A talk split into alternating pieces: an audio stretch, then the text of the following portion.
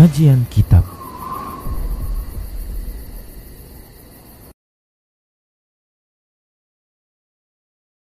Bismillah, Assalamualaikum warahmatullahi wabarakatuh. Innal hamdalillah Nahmaduhu wa nasta'inuhu wa nastaghfiruh Wa na'udhu billahi min syururi anfusina wa min sayyiati a'malina من يهده الله فلا مضل له ومن يضلله فلا هادي له واشهد ان لا اله الا الله وحده لا شريك له واشهد ان محمدا عبده ورسوله صلى الله عليه وسلم قال الله تبارك وتعالى يا ايها الذين امنوا اتقوا الله حق تقاته ولا تموتن الا وانتم مسلمون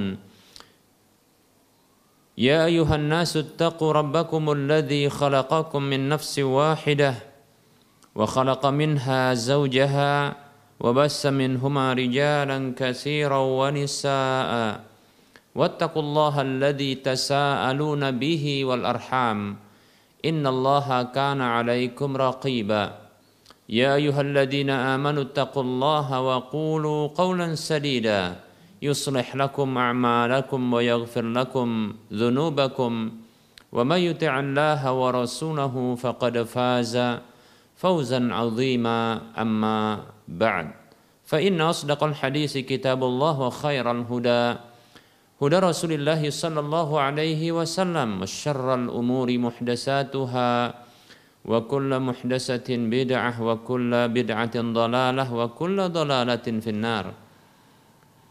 Para pemirsa Rosyad TV dan para pendengar radio Medan Mengaji di mana saja Anda berada rahimani wa rahimakumullah alhamdulillah kita bersyukur kepada Allah Subhanahu wa taala yang masih terus memberikan kebaikan dan kenikmatannya kepada kita. Selawat dan salam tak lupa kita ucapkan untuk nabinya tercinta Muhammad sallallahu alaihi wasallam. Para muslim dan muslimat rahimani wa rahimakumullah. Kita masih melanjutkan pembahasan tentang akidah tauhid di bab hal-hal yang bisa mengurangi keimanan, keislaman dan tauhid seorang hamba. Dan di antara perkara yang bisa mengurangi tauhid tersebut adalah asyirkul asghar, yaitu syirik kecil. Dan di antara syirik kecil, contoh-contohnya syirik kecil yang berlaku di dalam ungkapan manusia adalah menyamakan Allah Subhanahu wa taala dengan salah satu dari makhluknya dengan menyebutkan kata dan ya yaitu menyekutukan Allah Subhanahu wa taala menyekutukan Allah Subhanahu wa taala ya. Di dalam kekhususan Allah Subhanahu wa taala dengan salah satu dari makhluknya yang menggunakan kalimat atau kata dan ya. Yang dalam bahasa Arab adalah waw ya. Dan waw ini adalah salah satu dari huruf ataf yaitu huruf penyertaan. Baik para muslim rahimani warahmatullah, waw yang artinya dan, wa begitu ya. Wa artinya dan. Ini e, memiliki fungsi mutlakul jam'i yaitu e, kesamaan dan penggabungan secara mutlak antara sesuatu yang disebutkan dengan sesuatu yang diiringkan setelahnya. Nah, oleh karena itu diharamkan tidak dibolehkan menyertakan antara Allah Subhanahu wa taala dengan salah satu dari makhluknya ya dalam urusan-urusan yang urusan apa saja di mana di sana disertakan Allah Subhanahu wa taala dengan makhluknya dengan kalimat dan atau kata dan. Contohnya seperti ungkapan Masya Allahu wa syi'ta. Ini adalah ungkapan yang keliru. Ya, ini adalah apa yang dikehendaki oleh Allah Subhanahu wa taala dan Anda seperti itu. Masya Allahu wa syi'ta. Ini adalah sesuatu yang dikehendaki oleh Allah dan Anda. Nah, ini merupakan kesalahan dan kekeliruan. Begitu juga ungkapan sebahagian manusia yang mengatakan hada min barokatillahi wa barokatika. ini ini adalah berasal dari keberkahan keberkahan Allah dan keberkahan keberkahan Anda dengan menggunakan kalimat dan ya atau dikatakan juga mali illa Allahu wa anta tidak ada bagiku kecuali Allah dan engkau. Seperti itu. Ya. Tidak ada bagiku kecuali hanya Allah dan engkau.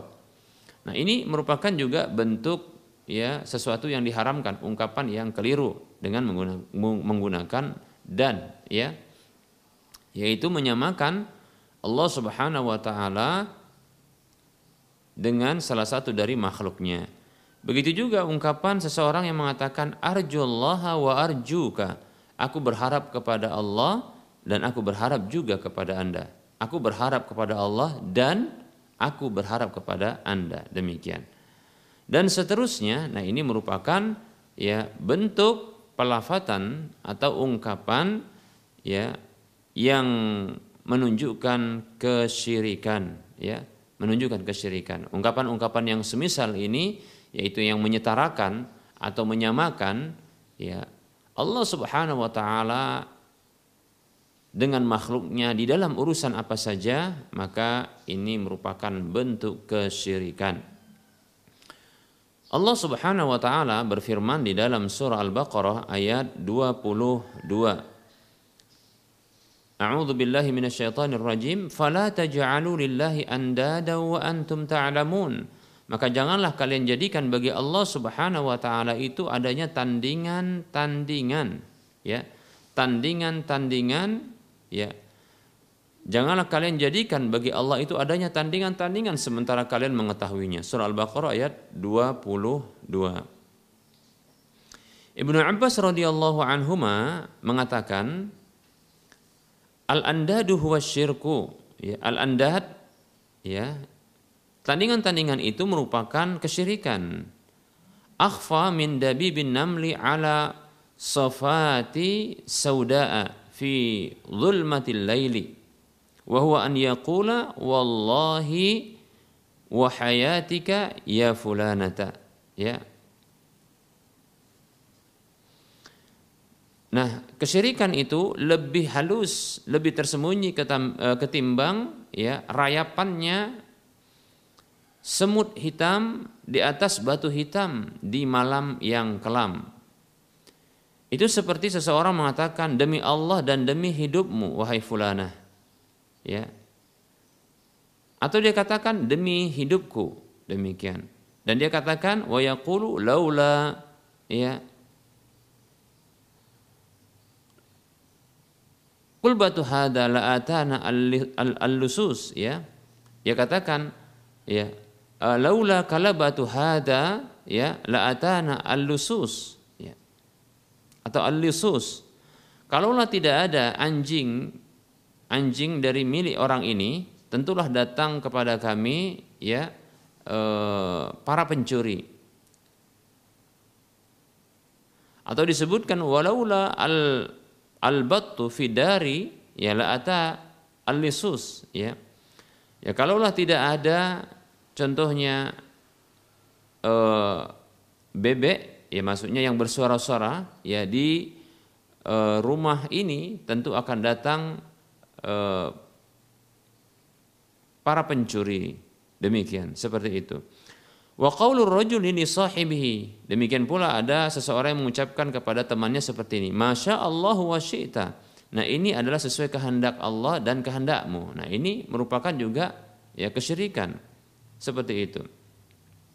Begitu juga perkataan seseorang laulallah wa fulan. Kalaulah tidak ada Allah dan fulan ya tentu akan terjadi demikian dan demikian ya. Laulallahu wa fulan la taj'al fiha fulan ya. Seperti itu. Kalau tidak ada fulan kalau tidak ada Allah dan fulan maka terjadi demikian dan demikian. Fa inna hadza kulluhu bihi syirkun. Maka semuanya ini adalah kesyirikan. Demikian para muslim rahimani wa rahimakumullah. Baik ada satu riwayat hadis dalil yang lain.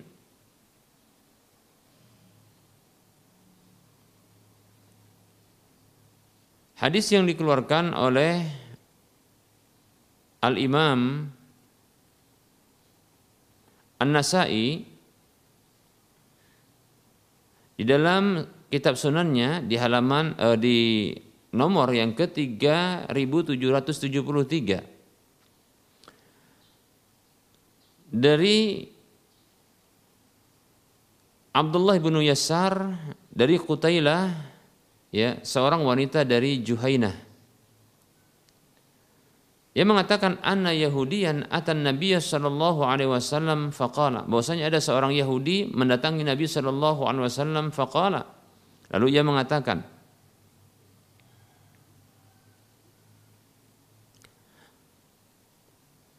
Innakum tundiduna atau innakum tunaddiduna. Wa innakum tusyrikuna taquluna ma Allahu wa syi'ta wa taquluna wal ka'bati dari uh, Kutailah ini seorang wanita yang berasal dari Juhainah ya. Kutailah binti Saifi radhiyallahu anha ia mengatakan ya bahwasanya ada seorang Yahudi mendatangi Nabi Shallallahu alaihi wasallam sembari mengatakan Innakum tunaddiduna atau tundiduna. Sesungguhnya kalian itu melakukan ya penyetaraan ya mendatangkan tandingan-tandingan di dalam ucapan dalam uh, di dalam tindakan kalian. Wa innakum tusyrikuna dan sesungguhnya kalian melakukan kesyirikan. Taquluna gimana bentuknya? Kalian katakan masya Allahu wa syi'ta ya ini adalah kehendak Allah dan kehendak Anda. Begitu. Wataqulun dan kalian juga katakan wal ka'bati demi Ka'bah. Ya, bersumpah dengan nama nama selain Allah Subhanahu wa taala. Kalau yang pertama tadi masya Allah wa syi'ta ya ini adalah kehendak Allah Subhanahu wa taala dan kehendak Anda ini menyetarakan Allah dengan makhluknya ya dalam satu urusan ya kehendak dengan kalimat wow itu dan ya.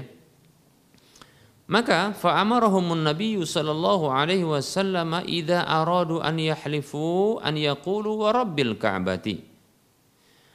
Maka Rasulullah sallallahu alaihi wasallam nabi kita Muhammad sallallahu alaihi wasallam memerintahkan para sahabat ya.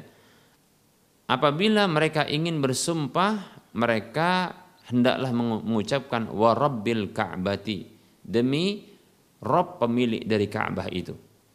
Wa dan memerintahkan mereka untuk mengucapkan ya Masya Allahu summa syi'ta ya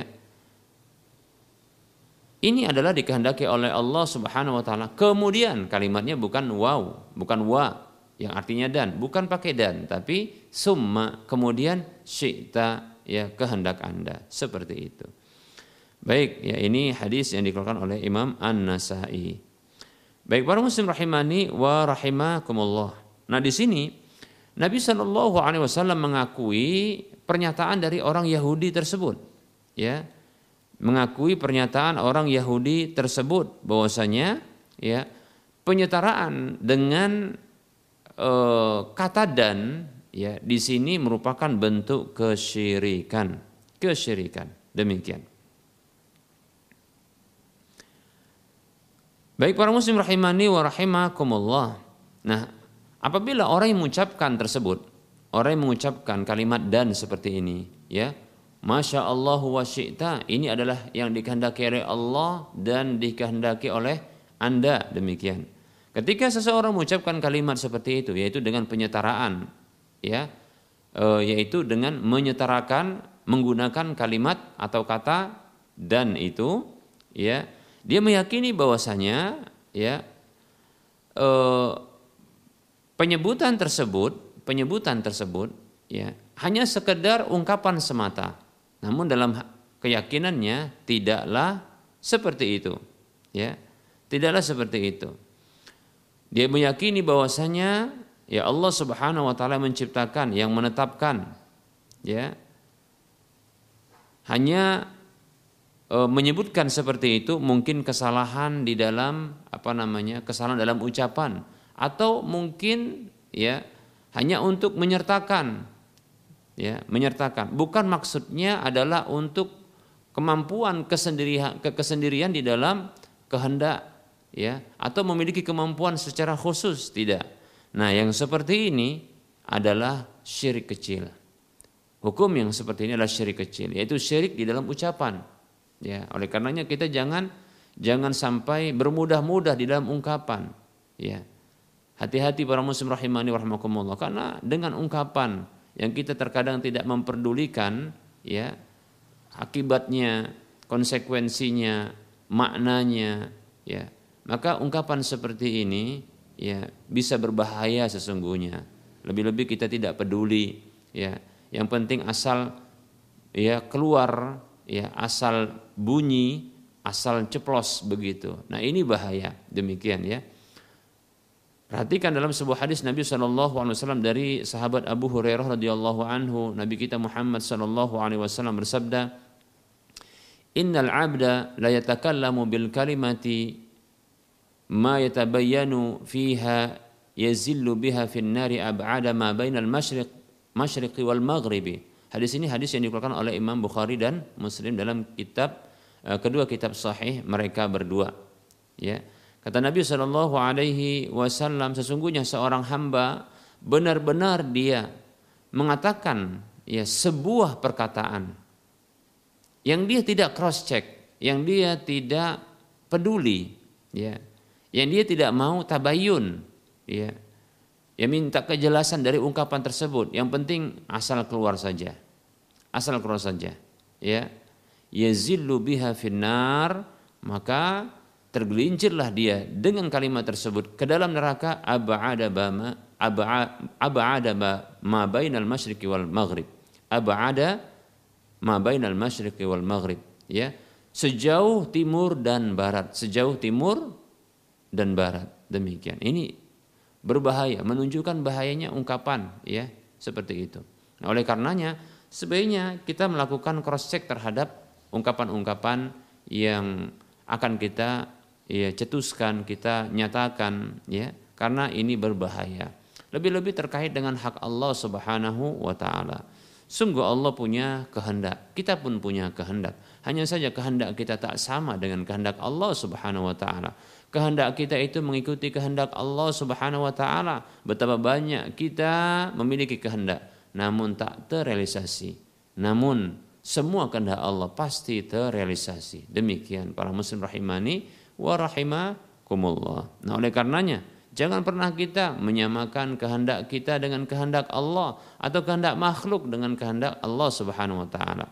Bila kita inginkan ya untuk menyatakan bahwasanya ini merupakan kehendak Allah Subhanahu wa taala, maka silakan ucapkan masya Allahu ya ini adalah dikehendaki oleh Allah summa syi'ta kemudian ya ini ya juga kehendak Anda seperti itu.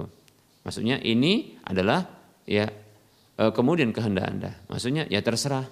Terserah Allah, kehendak Allah, kemudian terserah Anda. Nah, seperti itu. Nah, ini yang yang e, bisa kita ucapkan. Atau kita sandarkan saja kepada kehendak Allah Subhanahu wa taala. Demikian. Kita sandarkan saja kepada kehendak Allah Subhanahu wa taala. Ya tanpa kita ya e, menyandarkan dengan kehendak kehendak kita ya kita sandarkan saja kepada kehendak Allah Subhanahu wa taala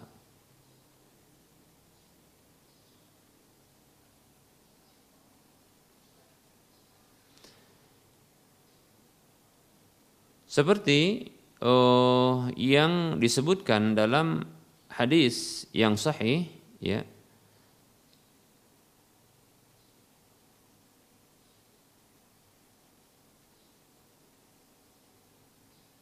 Hadis yang yang sahih disebutkan dalam hadis tersebut ya yaitu hanya menyebutkan hak Allah semata. Dan ini tentunya hal yang e, dibenarkan ya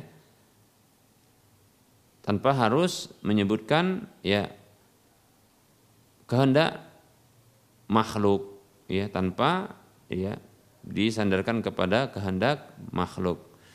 Hadisnya hadis yang uh, dikeluarkan oleh Imam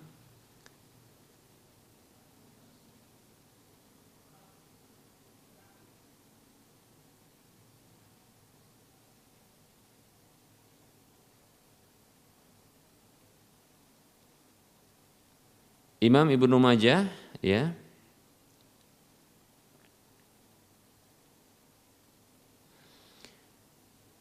Ya Rasulullah SAW bersabda, "Idza halafa ahadukum fala yaqul ma Allah wa syi'ta, walakin liyaqul ma Allah." Ya. Summa syi'ta. Ya. Apabila salah seorang di antara kalian ya bersumpah maka jangan dia ucapkan ini adalah kehendak Allah ya dan kehendak Anda akan tapi hendaklah dia katakan ya masya Allahu ya ini adalah kehendak Allah summa syi'ta kemudian juga kehendak Anda.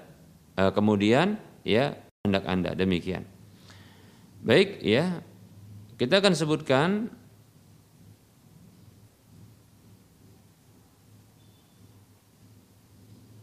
di mana Nabi Shallallahu alaihi wasallam ya ketika beliau dinyatakan demikian maka beliau mengatakan ya masya Allah wa ini merupakan kehendak ya Allah dan kehendak Anda. Maka Rasulullah SAW mengatakan, Ataja'alu lillahi niddan? Ya. Ataja'ali uh, aja'altani lillahi niddan? Apakah engkau menjadikan aku sebagai tandingan bagi Allah Subhanahu wa taala demikian. Jadi Rasulullah menegur ya sahabat tersebut yang menyetarakan uh, diri Rasulullah SAW dengan Allah Subhanahu Wa Taala di dalam kehendak. Ya, seperti itu. Baik para muslim rahimani wa rahimakumullah. Nah, ini tentunya apabila keyakinan tersebut ya tidak ada keyakinan kesetaraan itu secara menyendiri bagi sang makhluk. Namun apabila kesetaraan tersebut ya penyetaraan itu dengan ungkapan namun adanya keyakinan diiringi dengan adanya keyakinan bahwa makhluk tersebut memiliki ya eh, kehendak yang terpisah dari Allah Subhanahu wa taala ketika mengucapkan masya Allahu ya wa Ini adalah kehendak Allah, demikian pula kehendak dan juga kehendak Anda. Ya, maka yang seperti ini merupakan syirik akbar yang ini merupakan syirik akbar. Apa bedanya? Perbedaannya para muslim rahimani warahmatullah adalah ya terletak pada keyakinannya. Yaitu di mana ya akan menjadi syirik kecil apabila diyakini bahwa ya makhluk tersebut ya kehendaknya tidak terlepas dari kehendak Allah Subhanahu wa taala. Ya. Tidak terlepas sembari meyakini bahwasanya Allah Subhanahu wa taala adalah sang pencipta, sang penentu. Demikian, ya. Penyebutan ya eh, dan itu penyertaan ungkapan penyertaan tersebut dengan kalimat dan ya ini hanyalah dalam ucapan namun tidak dalam keyakinan. Maka ini menjadi syirik kecil.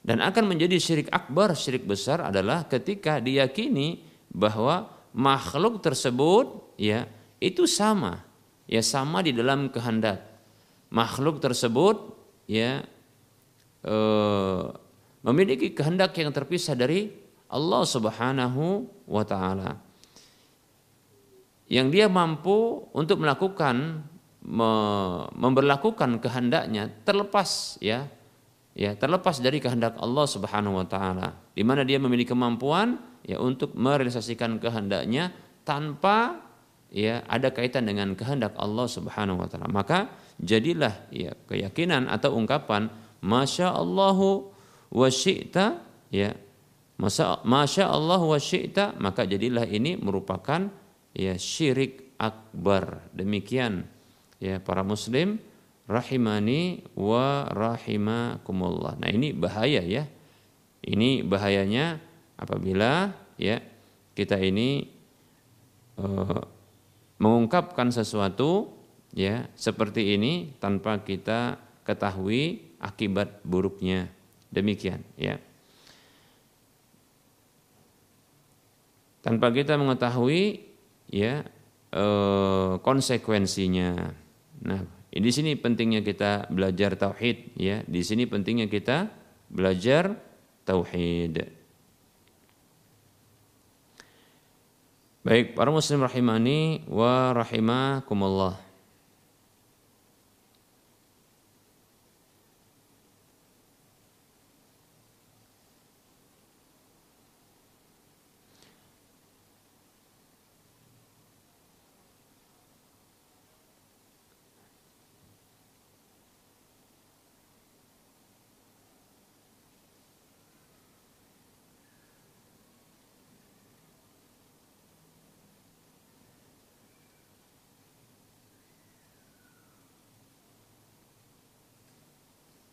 Baik dalam satu hadis ya disebutkan seperti ini la taqulu masya Allah wa sya Muhammad. Ya janganlah kalian katakan masya Allah wa sya Muhammad. Ini adalah dikehendaki oleh Allah dan ini adalah dikehendaki oleh Muhammad. Wa qulu masya Allah wahdah. Ya namun ucapkanlah masya Allah wahdah. Ini adalah dikehendaki Allah semata. Ini hadis diriwayatkan oleh uh, diriwayatkan di dalam kitab Syarh Sunnah demikian ya.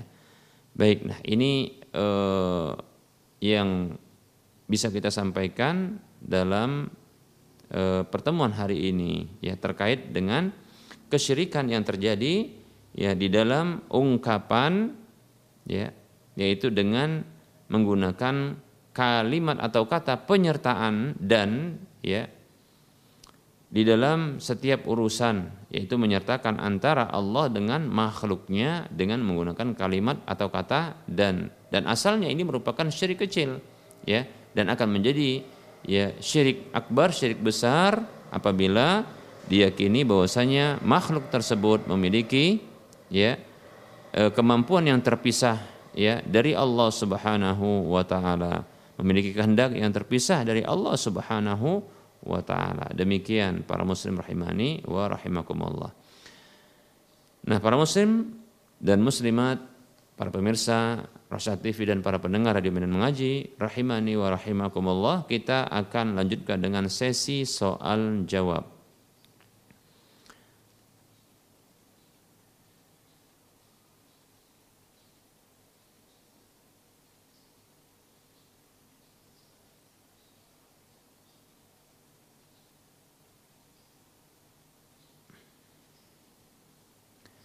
Ada pertanyaan, Assalamualaikum Ustadz, mohon maaf mau tanya ayat-ayat mutasyabihat itu apa?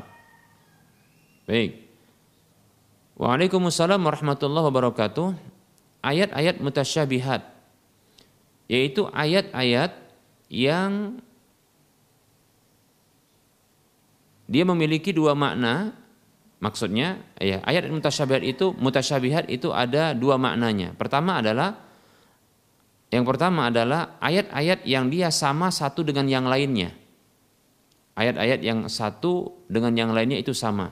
Yang dia terkadang berulang di satu ayat dan berulang di ayat yang lain. Seperti itu. Ya. Itu disebut juga oleh para ulama dengan ayat-ayat mutasyabihat. Ya.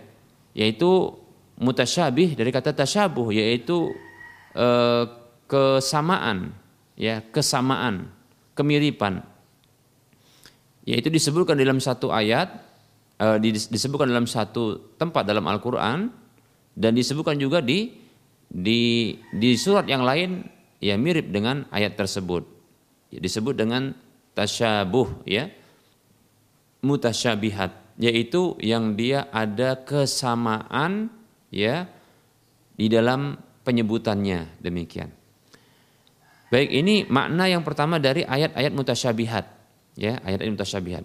Mungkin butuh contoh untuk e, jenis yang pertama ini. Baik, e, ada beberapa e, contoh seperti ketika Allah Subhanahu wa taala ya menyebutkan e, tentang iblis ya, tentang iblis. Allah Subhanahu Allah Subhanahu wa taala menyebutkan ya qala ma mana'aka alla tasjuda id amartuka. Ya.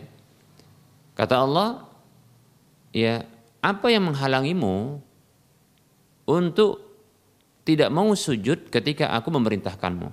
Ini dalam surah Al-A'raf. Kemudian dalam ayat yang lain Allah mengatakan ma mana'aka antas juda ya lima tu biadaya ya. Apa yang menghalangimu untuk sujud terhadap makhluk yang aku ciptakan dengan kedua tanganku. Demikian seperti itu. Nah ini adalah mutasyabihat. Begitu juga kisah eh, kisah yang disebutkan di beberapa ayat yang berbeda ya eh, tentang contohnya Nabi Nabi Musa yang ungkapannya satu dengan yang lainnya ini agak sedikit berbeda. Ini disebut dengan ayat-ayat mutasyabihat, yaitu mutasyabihat yaitu ayat-ayat yang sama di dalam ya penyebutannya dan ceritanya. Seperti itu ya mutasyabihat.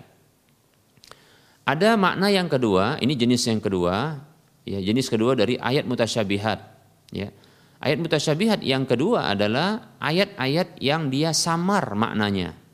Ini ditinjau dari makna, maka dia samar maknanya. Ya. Yang tidak bisa diketahui oleh orang-orang banyak, ya. Namun tentunya ini diketahui ya e, oleh sebagian orang. Ya paling tidaknya adalah diketahui oleh Nabi kita Muhammad sallallahu alaihi wasallam, ya.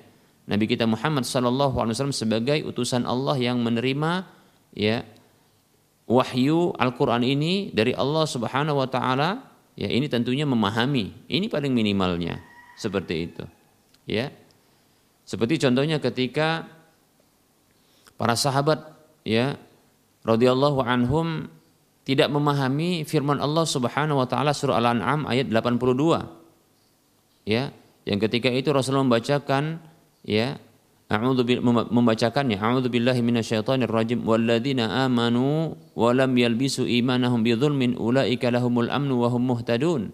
Ya dan orang-orang yang mereka beriman dan tanpa ya kita ulangi ya alladzina amanu wa lam yalbisu imanahum bidzulmin ulaika lahumul amnu wa hum muhtadun Orang-orang yang mereka beriman dan mereka tidak mencampurkan keimanan mereka dengan kezaliman, mereka itu mendapatkan keamanan dan mereka mendapatkan petunjuk hidayah demikian.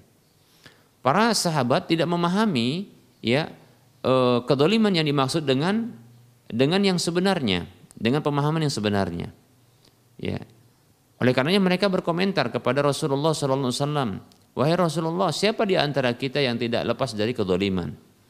seolah-olah mereka ini merasakan berat ya e, karena untuk mendapatkan keamanan di dunia dan di akhirat begitu juga mendapatkan hidayah maka syaratnya adalah beriman dan lepas dari kedoliman secara umum nah seperti itu maka mereka mengatakan ya siapa di antara kita yang bisa lepas dari kedoliman yaitu dosa berbuat dolim ya kalau begitu ya bisa dipahami dari ungkapan mereka ini sepertinya mereka kalau begitu kita Ya, seolah-olah mereka itu akan mengucapkan seperti ini. Kalau begitu, kita tidak akan bisa mendapatkan keamanan di dunia dan di akhirat, begitu juga tidak akan mendapatkan petunjuk seperti itu, ya.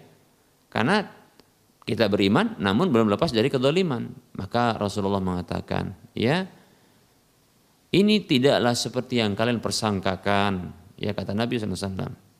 Tidakkah kalian membaca uh, perkataan dari hamba Allah yang soleh yaitu Luqman Al-Hakim Inna syirka la zulmun azim sesungguhnya kesyirikan itu adalah kedoliman yang sangat besar. Jadi dimaksudkan kedoliman itu bukanlah kedoliman secara umum, tapi kedoliman ya kedoliman yang khusus yaitu kedoliman kepada hak Allah Subhanahu wa taala yaitu kesyirikan. Jadi maksud dari ayat ini surah Al-An'am ayat 82 itu orang-orang yang mereka beriman dan tidak berbuat dolim maka mereka men, uh, tidak berbuat dolim maksudnya kesyirikan ya maka mereka itulah yang akan mendapatkan keamanan di dunia dan akhirat serta mendapatkan petunjuk. Nah seperti itu ya. Lihat ini Rasulullah memahami apa? E, tafsir dari bidulmin ya sehingga ayat ini sesungguhnya bukan ayat yang mutasyabihat bagi Nabi SAW tapi mutasyabih ayat yang mutasyabihat ya bagi para sahabat ketika itu. Namun begitu dijelaskan tidak lagi menjadi ya mutasyabihat ya samar. Tidak lagi menjadi samar bagi para sahabat. Demikian ya. Jadi kalau ditanya apa ayat-ayat mutasyabihat ya maka tadi sudah kita sebutkan ada dua maknanya. Eh, maksud, maksudnya adalah ada dua jenisnya ya yang pertama adalah mutasyabih dari kata tasyabuh yaitu ada yang kesamaan. Ayat yang sama satu dengan yang lainnya. Mirip-mirip begitu ayatnya. Ya dari sisi lafadznya. Kemudian yang kedua jenis kedua adalah ayat mutasyabihat adalah tasyabuh ya fil makna. Yaitu yang dia samar dalam maknanya ya. Samar di dalam maknanya. Demikian. Yang samar di dalam maknanya. Karena ada kesamaan ya tapi jadi samar maknanya seperti itu. Seperti kasus yang didapati oleh sahabat ini, samar jadi maknanya sehingga bagi mereka ini uh, uh, samar begitu. Didapatkan zolim ya tentunya adalah uh, makna yang jelas. Hanya saja kezoliman itu banyak. Nah, karena banyaknya kesamaan makna zolim ini ya pada kasus-kasus atau yang lainnya, maka ini menjadi samar bagi para sahabat Kemudian Nabi SAW menafsirkan ya ayat tersebut. Ketika itu tidaklah menjadi mutasyabihat bagi para sahabat.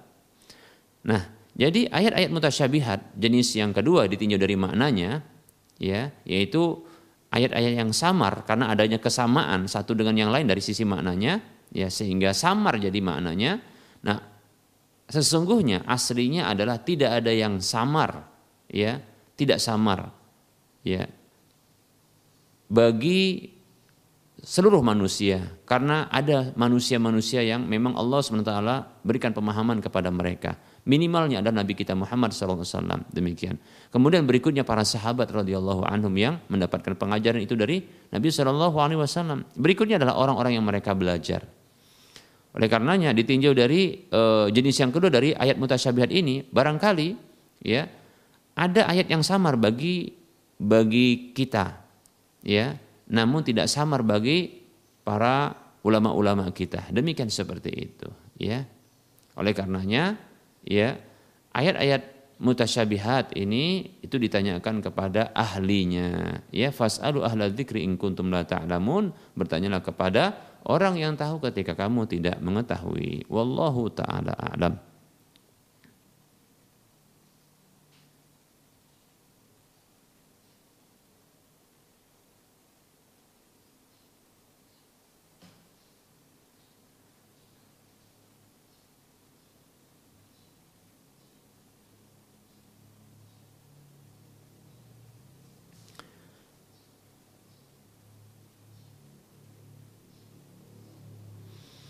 Ada pertanyaan, Assalamualaikum warahmatullahi wabarakatuh. Bismillah. Ustadz tanya bagaimana hukumnya ketika membuat surat perjanjian hutang dengan jaminan yang melebihi nilai hutangnya. Ya. Di situ berisikan, maksudnya eh, ada tulisan ya ketika tidak mampu bayar dalam tempo yang ditentukan maka jaminan tersebut berhak dimiliki penagih atau seorang yang memberikan piutang. Contoh uang uang 5 juta ya berhutang 5 juta jaminan diberikan sertifikat rumah.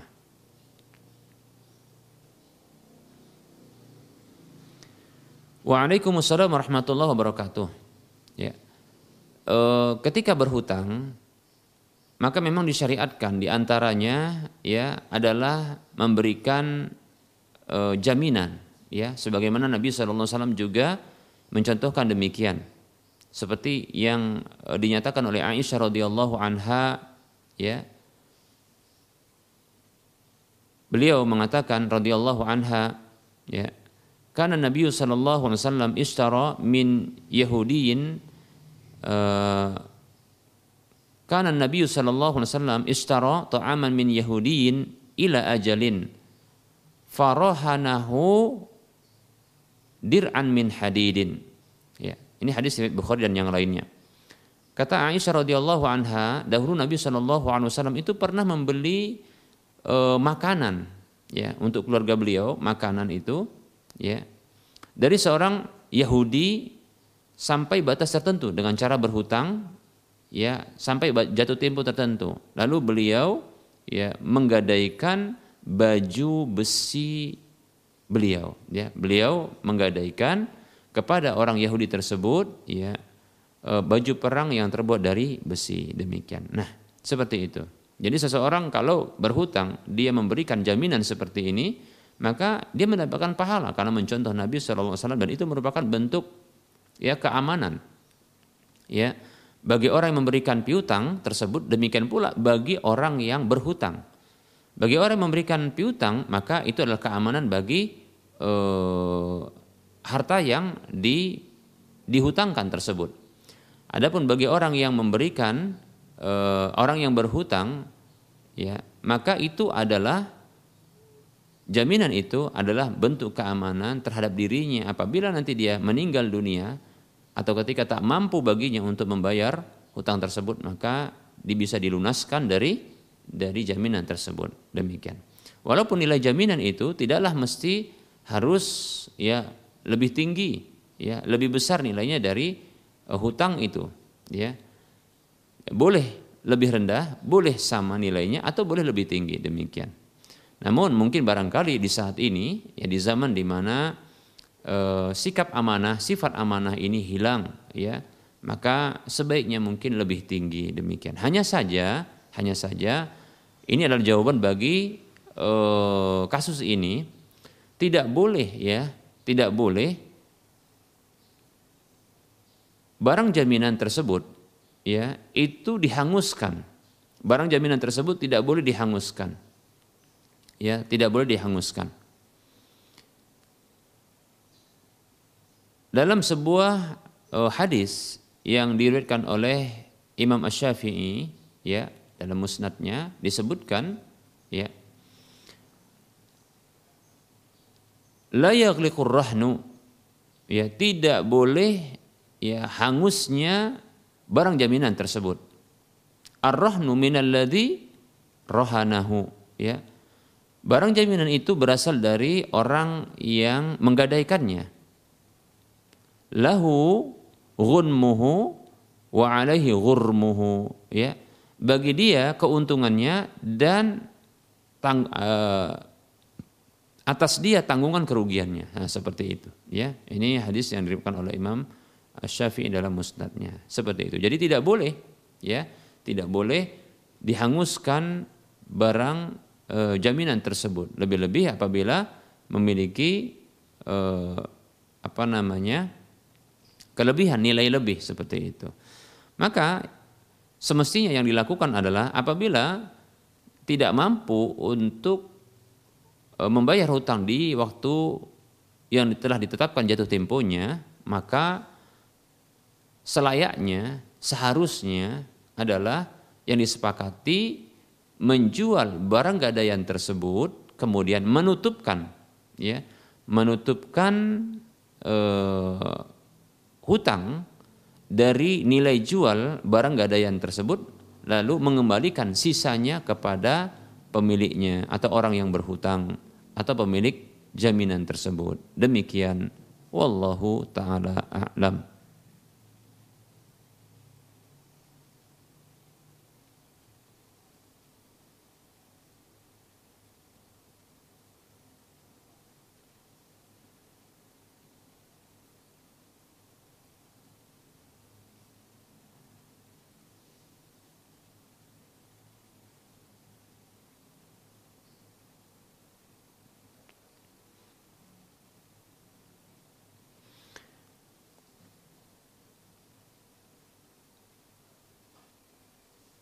Baik, kita akan lanjutkan.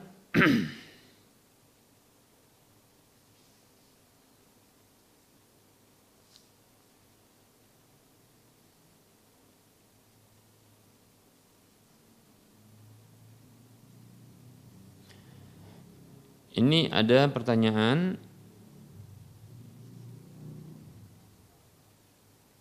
Assalamualaikum, semoga Allah Subhanahu wa taala senantiasa memberikan karunia rahmat dan perlindungan kepada ustaz serta keluarga. Amin.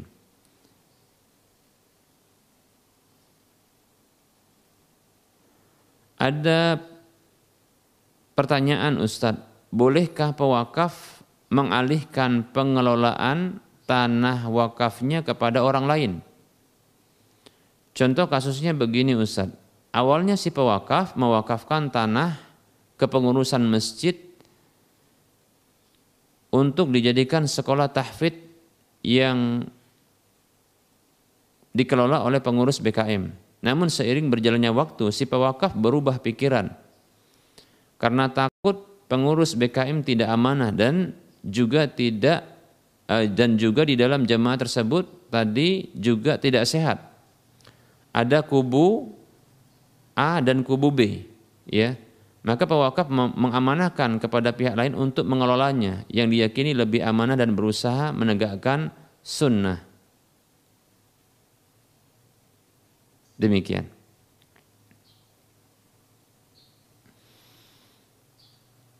Waalaikumsalam warahmatullahi wabarakatuh. Baik, ya wakaf ya.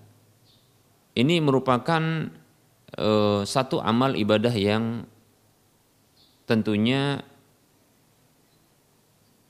sangat mulia dan agung dan besar pahalanya. Ya. Oleh karenanya ya kita dimotivasi oleh Nabi kita Muhammad sallallahu alaihi wasallam untuk melakukan seperti ini. Nabi kita Muhammad sallallahu alaihi wasallam bersabda, "Idza matal insanu inqata'a 'amaluhu illa min salasin." Sadaqatin jariyatin aw 'ilmin yuntafa'u bihi aw 'amalin salihin aw waladin salihin yad'u lahu. Hadis hadis riwayat Muslim. Nabi SAW bersabda apabila anak manusia itu mati, manusia itu mati, meninggal dunia, wafat, maka terputuslah amalnya kecuali dari tiga jalur. Yang pertama adalah sedekah jariah. Inilah wakaf itu, yaitu eh, sedekah dengan eh, sebuah ya harta yang permanen sifatnya, kemudian akan dimanfaatkan. Ya, dan terus mengalir manfaatnya sehingga mengalir terus pahalanya. Demikian. Atau ilmu yang bermanfaat atau anak yang soleh yang mendoakan kebaikan untuknya. Demikian ya. Ini motivasi. Dan tidak boleh menarik wakaf tersebut. Ini ya di antara tidak boleh menarik wakaf atau membatalkan wakaf. Tidak boleh. Mengapa? Karena wakaf itu adalah akdun lazim. Akad yang mengikat. Seperti itu. Akad yang mengikat Ya, tidak boleh dia dibatalkan. Dengan sekedar ucapan, belum ter tercatat juga apabila sudah diucapkan maka tidak boleh dibatalkan seperti itu, ya. Demikian. Ya, haram ya dibatalkan. Ya, orang yang menarik kembali ya, menarik kembali pemberiannya maka itu seperti anjing yang kembali kepada muntahnya. Nabi wasallam bersabda, "Alladzi ya'udu ala hibatihi kal kalbi ya'udu ala qai'ihi.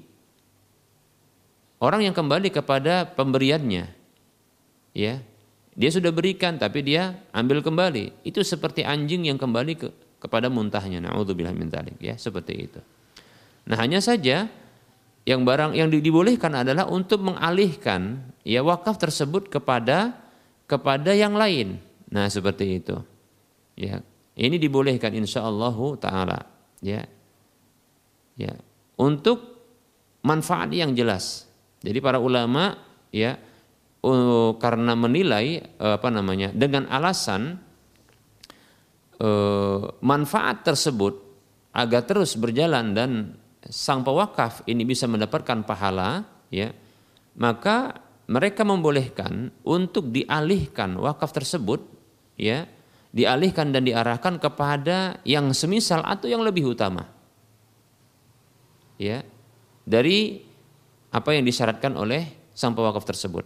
Jadi bila sang pewakaf mempersyaratkan ya untuk diarahkan kepada satu eh, satu tempat atau satu maslahat, satu manfaat. Namun ternyata ini akan tidak efektif manfaatnya.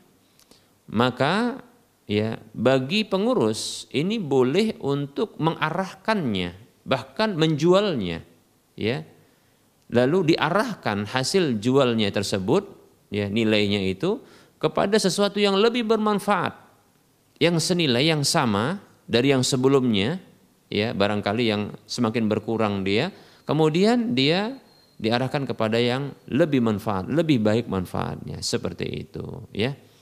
Oleh karenanya dalam kasus ini wallahu taala alam ini boleh untuk diarahkan ya diarahkan ya diarahkan ya wakaf tersebut kepada yang bisa dipercaya ya. Oleh karenanya sebaiknya wallahu taala alam ya e, untuk menjaga e, amanah tersebut sebaiknya memang tidak diarahkan kepada pribadi karena dikhawatirkan ya bila diarahkan kepada pribadi sebagai penanggung jawab atau pengurusnya dikhawatirkan nanti ya bisa berubah pikiran orang tersebut ya bila tidak ada kesepakatan ya demikian. Namun kalau e, diarahkan kepada mungkin sebuah yayasan yang bukan pribadi atau bukan keluarga maka insya Allah taala seperti diarahkan kepada yayasan sosial yayasan umat, maka yang seperti ini insya Allah Ta'ala lebih terjaga karena satu dengan yang lainnya ini sebagai pengawas. Nah seperti itu ya. Nah kita katakan andaikan diarahkan kepada eh, satu orang ya sebagai pengurusnya ya atau kepada satu yayasan namun yayasan pribadi atau kita katakan yayasan keluarga dikhawatirkan ya Bila kita menduga dengan kuat bahwasanya saat orang ini ya kita ketika kita menunjuk orang ini sebagai pengurusnya ya bisa jadi memang saat itu dia amanah. Bisa jadi ketika itu dia adalah amanah ya. Namun kita khawatirkan adalah anak keturunannya. Setelah wafatnya orang yang amanah ini bisa jadi anak keturunannya menduga bahwasanya ini adalah warisan dari orang tuanya. Nah itu masalahnya Ya, akhirnya nanti mereka gunakan itu secara pribadi. Walaupun kita katakan tetap saja dapat pahala. Namun manfaatnya hanya terbatas kepada keluarga, ya, tidak terbatas kepada e, tidak diarahkan kepada umat. Nah, berbeda halnya ketika di e, di e, oleh orang tuanya. Karena orang tuanya memang mengemban amanah tersebut. Nah, inilah permasalahannya apabila ya e, kekhawatiran ya apabila diarahkan sebuah wakaf itu yang ditujukan untuk umat, untuk sosial masyarakat, namun diarahkan kepada satu orang, ya satu orang atau yayasan pribadi atau yayasan keluarga. Berbeda halnya bila diarahkan kepada yayasan umat atau yayasan sosial yang ini bukan dari keluarga, ya maka ini akan insya Allah taala lebih terjaga. Kenapa? Karena satu dengan yang lainnya ya mereka ini saling mengawasi. Yang mereka ini tidak ada hubungan kekerabatan dan kekeluargaan. Wallahu taala alam. Jawabannya adalah insya Allah taala boleh.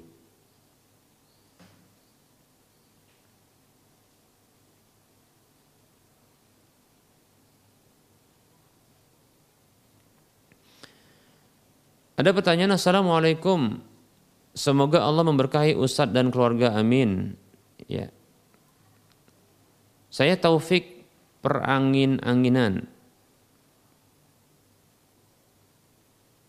Perangin-angin ya. Mau bertanya, ada pengobatan tradisional di kampung saya, obat amandel dengan cara meredam mata pancing atau peniti ke dalam gelas. Kemudian didiamkan beberapa saat lalu diminum Ustadz tanpa mata pancing dan penitinya itu. Maksudnya yang diminum hanya airnya saja. Hanya saja direndamnya mata pancing dan peniti tersebut ya. Ini hukumnya bagaimana Ustaz? Barakallahu fikum. Waalaikumsalam warahmatullahi wabarakatuh. Amin. Amin wa fik barakallah dan semoga Allah Subhanahu wa taala juga memberkahi ya antum sekeluarga. Amin ya. Baik, uh, untuk saudara kita ya Taufik ini semoga Allah memberikan kebaikan kepadanya dan kepada keluarganya.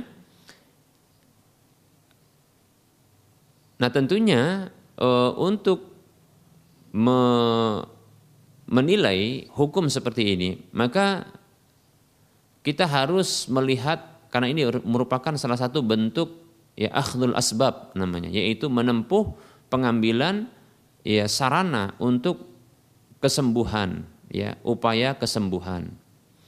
Yang yang perlu kita ketahui adalah bahwasanya kesembuhan itu datang dari Allah Subhanahu wa taala. Baik, secara syar'i ini adalah yang pertama. Bila dinilai, dilihat dari secara syar'i, ya, maka yang seperti ini tentunya tidak ada dalilnya, yaitu eh, apa namanya meletakkan mata pancing atau meletakkan peniti di eh, air yang diletakkan di wadahnya atau di gelas tersebut. Ya, ini tidak ada dalilnya secara syar'i. Baik. Nah, kita perlu ketahui bahwasanya kebolehan untuk sebuah usaha atau pengambilan sarana untuk kesembuhan, maka ini harus ditinjau memenuhi syarat pertama adalah ya syarat secara atau ada dukungan dalil secara syar'i, yang kedua adalah ya secara qadari demikian ya. Baik secara syar'i tidak ada. Nah, secara qadari kita akan mencoba melihat. Nah, sekarang apa maksud secara qadari? Yaitu berdasarkan penelitian ya para ahli medis bahwasanya hal tersebut ya dijadikan oleh Allah Subhanahu wa taala memang memiliki pengaruh untuk kesembuhan. Nah, sekarang mata pancing dan ya Eh, jarum peniti itu apakah dia memiliki daya sembuh untuk penyakit amandel? Nah, ini yang barangkali butuh diteliti. Adapun saya pribadi bukanlah ahli medis sehingga saya tidak mengetahui hal tersebut, ya. Demikian. Namun paling tidak saya akan sebutkan aturannya, ya garis besarnya, ya dengan bentuk e, kondisional sifatnya itu dengan bentuk penjelasan yang bersifat kondisional. Yaitu apabila memang Eh, para ahli medis mereka setelah melakukan penelitian bahwa ya, kancing peniti demikian pula e, mata pancing itu memiliki pengaruh yang Allah jadikan padanya untuk memberikan e, untuk Allah berikan kesembuhan ya kepada e, seseorang memiliki penyakit amandel tersebut. Maka artinya metode atau cara yang ditempuh ini adalah satu yang benar ya. Namun apabila ya para ahli para ahli tersebut, para ahli medis ya setelah melakukan penelitian bahwasanya tidak ada hubungan sama sekali ya dan tidak ada hubungan e, sebab akibat begitu juga tidak ada pengaruh mata pancing demikian pula kancing peniti tersebut untuk penyakit amanal ini maka ketahuilah Hukum seperti ini bisa jatuh kepada syirik. Minimalnya adalah syirik kecil. Bila diyakini bahwasanya kesembuhan itu datang dari Allah. Walaupun dia yakini demikian, namun ini terhitung menjadi syirik kecil. Mengapa? Karena dia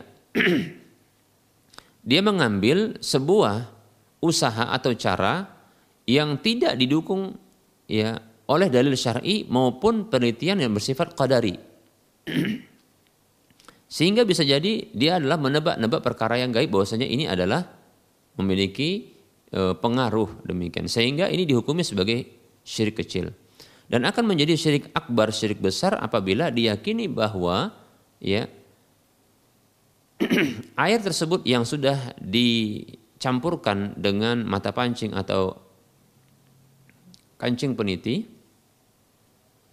ini memiliki kemampuan ya secara menyendiri ya untuk memberikan kesembuhan. Ini syirik akbar tentunya. Karena ya menjadikan selain Allah ini sebagai tandingan di dalam kemampuan menyembuhkan. Padahal Allah Asy-Syafi, zat yang Maha menyembuhkan. Demikian wallahu taala a'lam.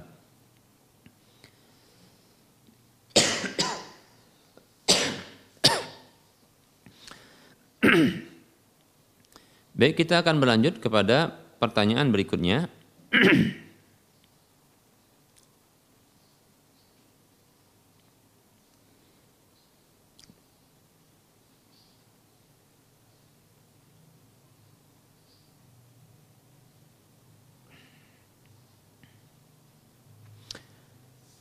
Assalamualaikum Ustadz bersumpah atas nama Rasulullah Sallallahu Alaihi Wasallam apakah termasuk kufur? Waalaikumsalam warahmatullahi wabarakatuh.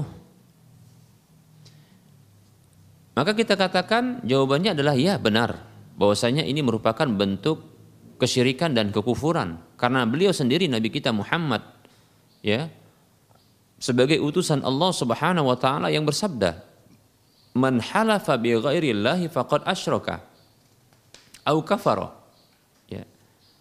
Kata Nabi Shallallahu alaihi wasallam, ya, siapa saja yang bersumpah dengan selain Allah Subhanahu wa taala, maka sungguh dia telah melakukan kekufuran atau dia telah melakukan kesyirikan. Demikian, seperti itu. Ya.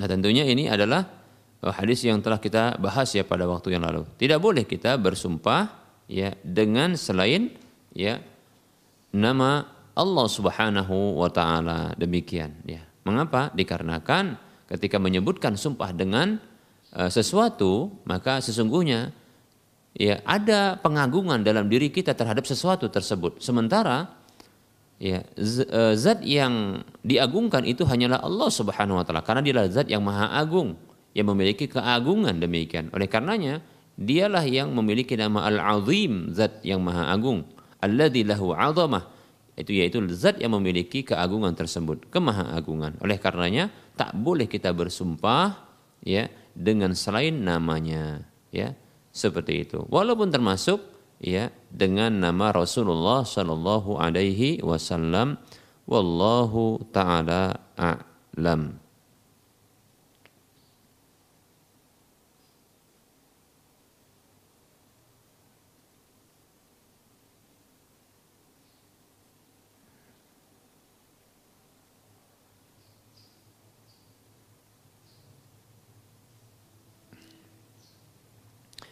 Ada pertanyaan berikutnya. Assalamualaikum Ustadz. Maaf, saya ingin bertanya. Saya diberi oleh seseorang sejumlah uang yang saya ketahui ini adalah uang asuransi ribawi. Apakah boleh bagi saya mempergunakan secara pribadi untuk kebutuhan keluarga atau tidak ya Ustadz? Kalau memang tetap haram itu, maka saya akan serahkan uangnya kepada orang yang membutuhkan atau lembaga pendidikan. Syukron atas jawabannya. Waalaikumsalam warahmatullahi wabarakatuh. Afwan, ya eh, kita akan mencoba untuk menjawab pertanyaan ini. Jadi kasusnya adalah seseorang yang diberikan hadiah ya berupa uang namun dengan perolehan yang e, dengan cara perolehannya adalah yang haram seperti riba ya seperti itu. Apakah halal baginya? Demikian. Baik ya. Eh, kembali kita jelaskan dan kita tegaskan ya bahwa eh, harta haram itu terbagi menjadi dua. Yang pertama adalah haram secara zatnya. Yang kedua adalah haram secara perolehannya. Demikian. Haram secara secara zatnya ini yang pertama. Maka ini contohnya seperti ya daging babi, ya bangkai, ya khomer dan seterusnya. Nah, apabila e, barang atau harta-harta yang sifatnya haram secara zatnya ini ya dipindah tangankan ya kepada orang lain maka tetap haram ya tetap haram ya e, zatnya. Tidak berubah hukumnya tetap saja haram ya begitu e, contohnya adalah seperti tadi adalah uh, daging babi, ya anjing, begitu juga khamar, ya bangkai, ketika dihadiahkan kepada orang lain atau dijual, ya tentunya juga haram yang dijual ini ya, ya maka ini tetap berhukum haram bagi orang yang menerimanya, ya orang yang membelinya dan seterusnya demikian ya. Baik, ini adalah e, harta haram secara datnya. Yang kedua adalah harta haram yang eh, haram secara perolehannya. Seperti contohnya orang yang ya melakukan riba, seperti juga mendapatkan harta tersebut dari judi dan seterusnya, ya dari cara-cara yang haram, ya. Maka yang seperti ini ya ketika dipindah tangankan kepada orang lain, ya apakah menjadi haram pula bagi orang lain tersebut, ya. Berpindah tangan seperti dihadiahkan atau dengan cara berjual beli ya dan seterusnya. Maka di sini terjadi perbedaan pendapat di kalangan para ulama. Ada yang mengharamkan secara mutlak ada yang menghalalkan secara mutlak. Demikian ya. Ada pendapat yang lain yang mengatakan bahwasanya ya haram secara eh, halal secara zatnya karena zatnya adalah suci.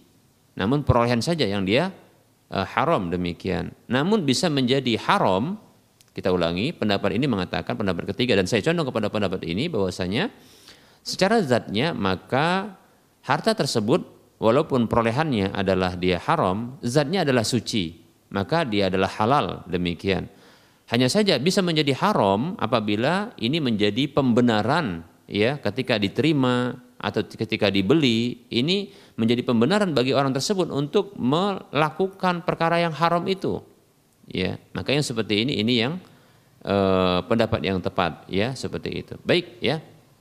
Mana dalil yang menunjukkan bahwasanya eh, perpindahan kepemilikan ya barang yang haram secara perolehannya ini ini boleh dan halal bagi uh, orang yang menerimanya atau orang yang mendapatkan perpindahan kepemilikan tersebut baik satu dalil saja kita sebutkan. Ada satu riwayat dari Umar bin Khattab radhiyallahu anhu ya. Tatkala beliau menjadi khalifah maka ternyata ada para pegawai-pegawai yang menjadi penari jizyah yaitu upeti ya dari orang-orang ahlul kitab.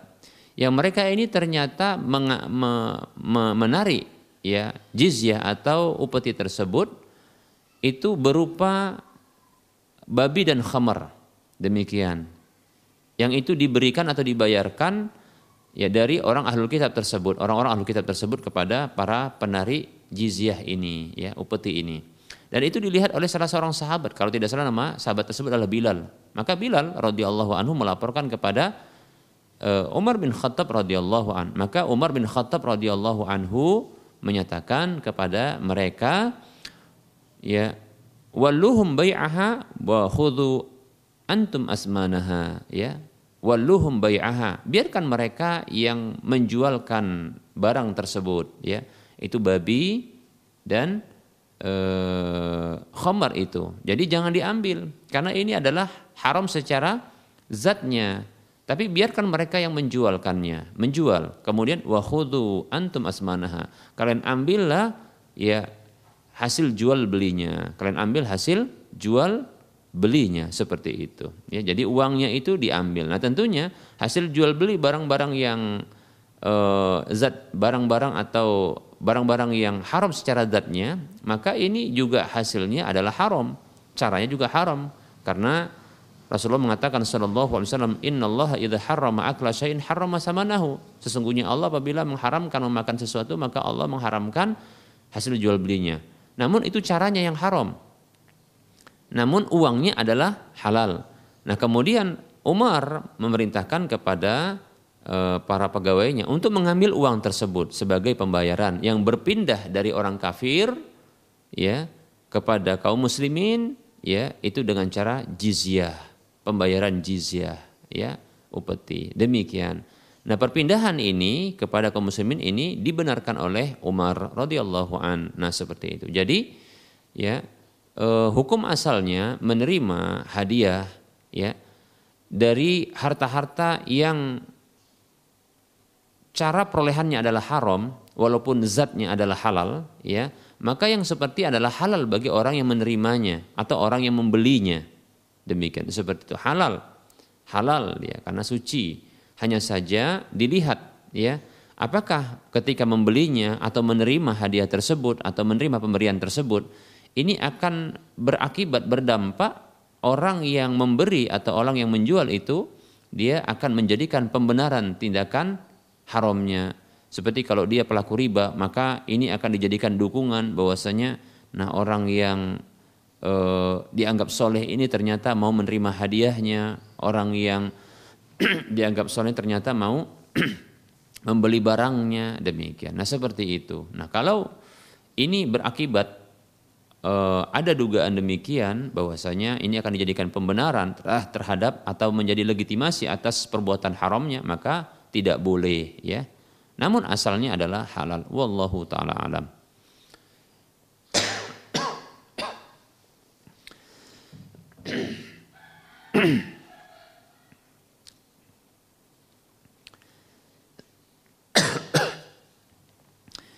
Baik, ada pertanyaan. Assalamualaikum warahmatullahi wabarakatuh. Ustadz, semoga Ustadz selalu dalam lindungan Allah. Maaf Ustadz, mau bertanya, hukum seseorang bekerja di klinik kecantikan di mana di dalam klinik tersebut ya eh, bisa dibuat perubahan bentuk wajah ya, misal sulam alis, sulam bibir, mengisi dagu atau bibir dengan cairan tertentu agar bentuk dagu dan bibir tersebut kelihatan indah. E, tanam bulu mata atau yang semisalnya. Apakah hukum hukumnya sama seperti orang yang bekerja di bank? Eh, tolong menolong dalam kemungkaran meski kita bekerja di bagian administrasi. Waalaikumsalam warahmatullahi wabarakatuh. bekerja ya eh, sebelumnya saya ucapkan ya syukur atas doanya ya dan semoga Allah juga memberikan perlindungan serta kebaikan kepada sang penanya di mana saja Anda berada. Baik. eh, perlu kita ketahui bekerja di sebuah pekerjaan yang usaha dari eh, pekerjaan-pekerjaan itu adalah pekerjaan yang haram seluruhnya ya ya seperti contohnya ya riba ya di tempat yang memang ribawi seluruhnya ya atau mayoritasnya ya begitu juga contohnya eh,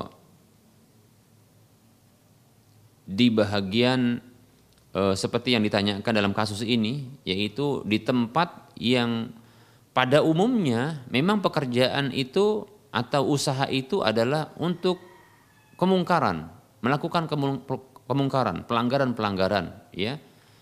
Ya, yang ini adalah bentuk merubah ciptaan Allah Subhanahu wa taala. Pada umumnya demikian. Maka ya bekerja di tempat tersebut maka ini tidaklah dibolehkan ya. Karena tentunya akan terlibat ya. Nah itu merupakan bentuk dukungan seperti itu ya. Terlibat dan paling tidak itu akan menjadi sebuah bentuk dukungan ya. Kata Allah Subhanahu wa taala ya wala ta'awanu 'alal ismi wal 'udwan. Janganlah kalian saling saling tolong menolong di di atas dosa dan permusuhan. Surah Al-Maidah ayat 2 demikian. Oleh karenanya ya tidak boleh ya, tidak boleh. Hanya saja kita katakan tentunya Ya, kemungkaran itu kan atau dosa itu kan bertingkat-tingkat, ya. Bertingkat-tingkat. Dosa besar saja itu pun bertingkat-tingkat. Ada yang paling tinggi, ada yang rendah, tapi sama-sama dosa besar. Nah, begitu juga ini, ya. Ini juga merupakan dosa, bahkan dosa besar karena merubah ciptaan Allah Subhanahu wa taala. Demikian. Oleh karenanya, ya jangan sampai penghasilan kita ini tidak halal karena hanya mungkin bekerja di tempat tersebut ya sebaiknya beralih kepada pekerjaan yang halal seperti itu kalaulah hanya sekedar mungkin memotong rambut ya salon memotong rambut seperti ini maka dibolehkan ya karena karena karena wanita itu boleh untuk potong rambut. Tapi untuk merubah ciptaan Allah Subhanahu wa taala maka ini tidak dibenarkan ya. Wallahu taala alam.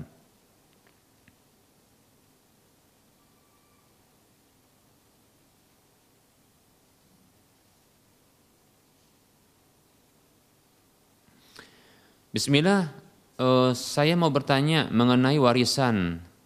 Qadarullah, saudara dari pihak ibu dan ayah saya ribut gara-gara warisan. Sudah dimediasi, sudah dimediasi tapi belum ada titik terang. Oleh karena itu, kedua orang tua saya sudah membagikan harta mereka ke masing-masing anak-anak untuk menghindari pertikaian seperti yang terjadi di keluarga mereka. Yang mau saya tanyakan, apakah tindakan kedua orang tua saya berlaku itu yang diberlakukan itu benar dalam membagi warisan? Bagaimana syariat Islam dalam pembagian warisan tersebut? Jazakallahu khairah. Wa anta fajazakallahu wa anti fajazakillahu khairah. Baik.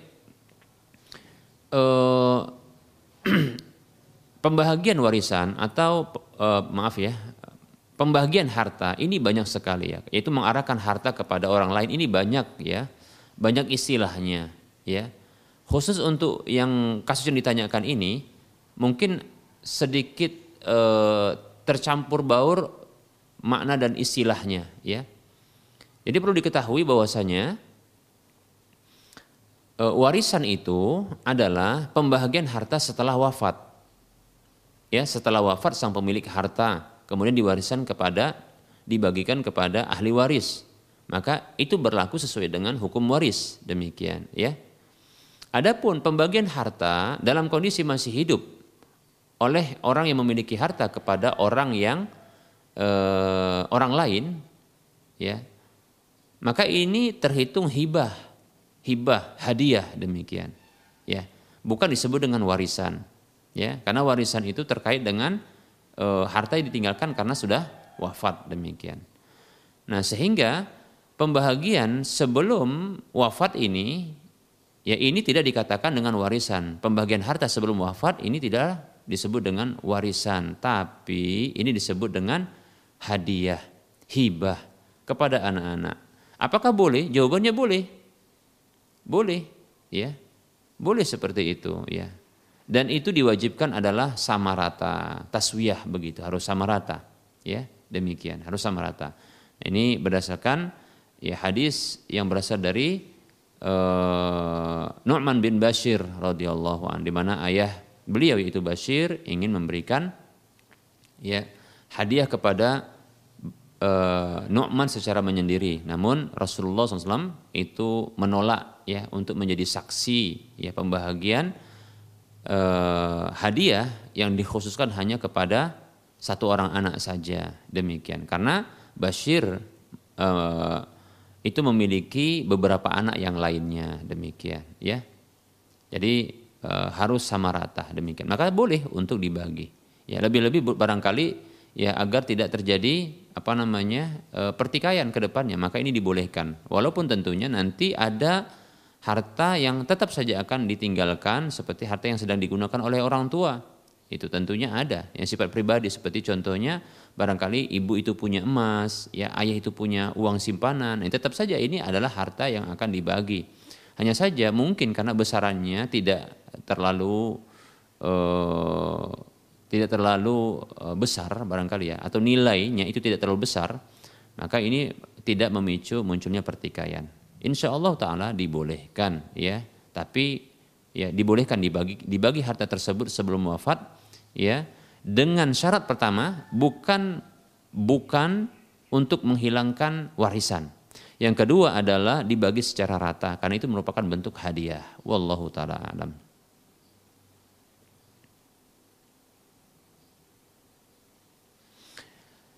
Ada pertanyaan Ustadz, apa hukum wanita sholat di rumah dengan mukena motif-motif bunga? Baik, saya condong ya bahwasanya wanita yang sholat di rumah ya ini merupakan e, mengikuti petunjuk Nabi Shallallahu Alaihi Wasallam ya. Kemudian dengan menggunakan motif mukena yang bermotif bunga maka ini tidak masalah ya karena itu bukanlah terlarang ya. Seperti itu. Itu bukanlah terlarang. Yang terlarang adalah ketika ya e, bergambar makhluk bernyawa seperti itu ya. Hanya sekadar motif bunga maka ini tidak masalah ya. Wallahu taala a'lam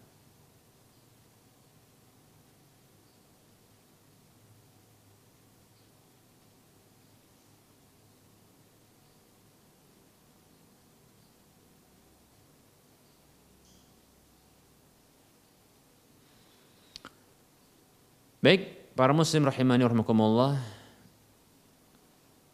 Mungkin kita cukupkan dulu ya kajian kita pada pertemuan kali ini karena juga waktunya sudah mendekati waktu masuknya uh, sholat zuhur untuk wilayah Medan dan sekitarnya. Dan tentunya dalam penyampaian ini banyak kekurangan dan kesalahan serta kekeliruan kepada Allah saya mohon ampun dan kepada para pemirsa dan para pendengar sekalian saya mohon maaf. Semoga Allah Subhanahu wa taala memberikan kepada kita ya kemaafan, ya pengampunan dan masukkan kita ke dalam surganya amin ya rabbal alamin. Kita tutup kajian kita. Wassallallahu ala Muhammad wa ala alihi wa ashabihi ajma'in. Subhanakallahumma wa bihamdika asyhadu an la ilaha illa anta astaghfiruka wa atubu ilaika walhamdulillahi rabbil alamin. Wassalamualaikum warahmatullahi wabarakatuh.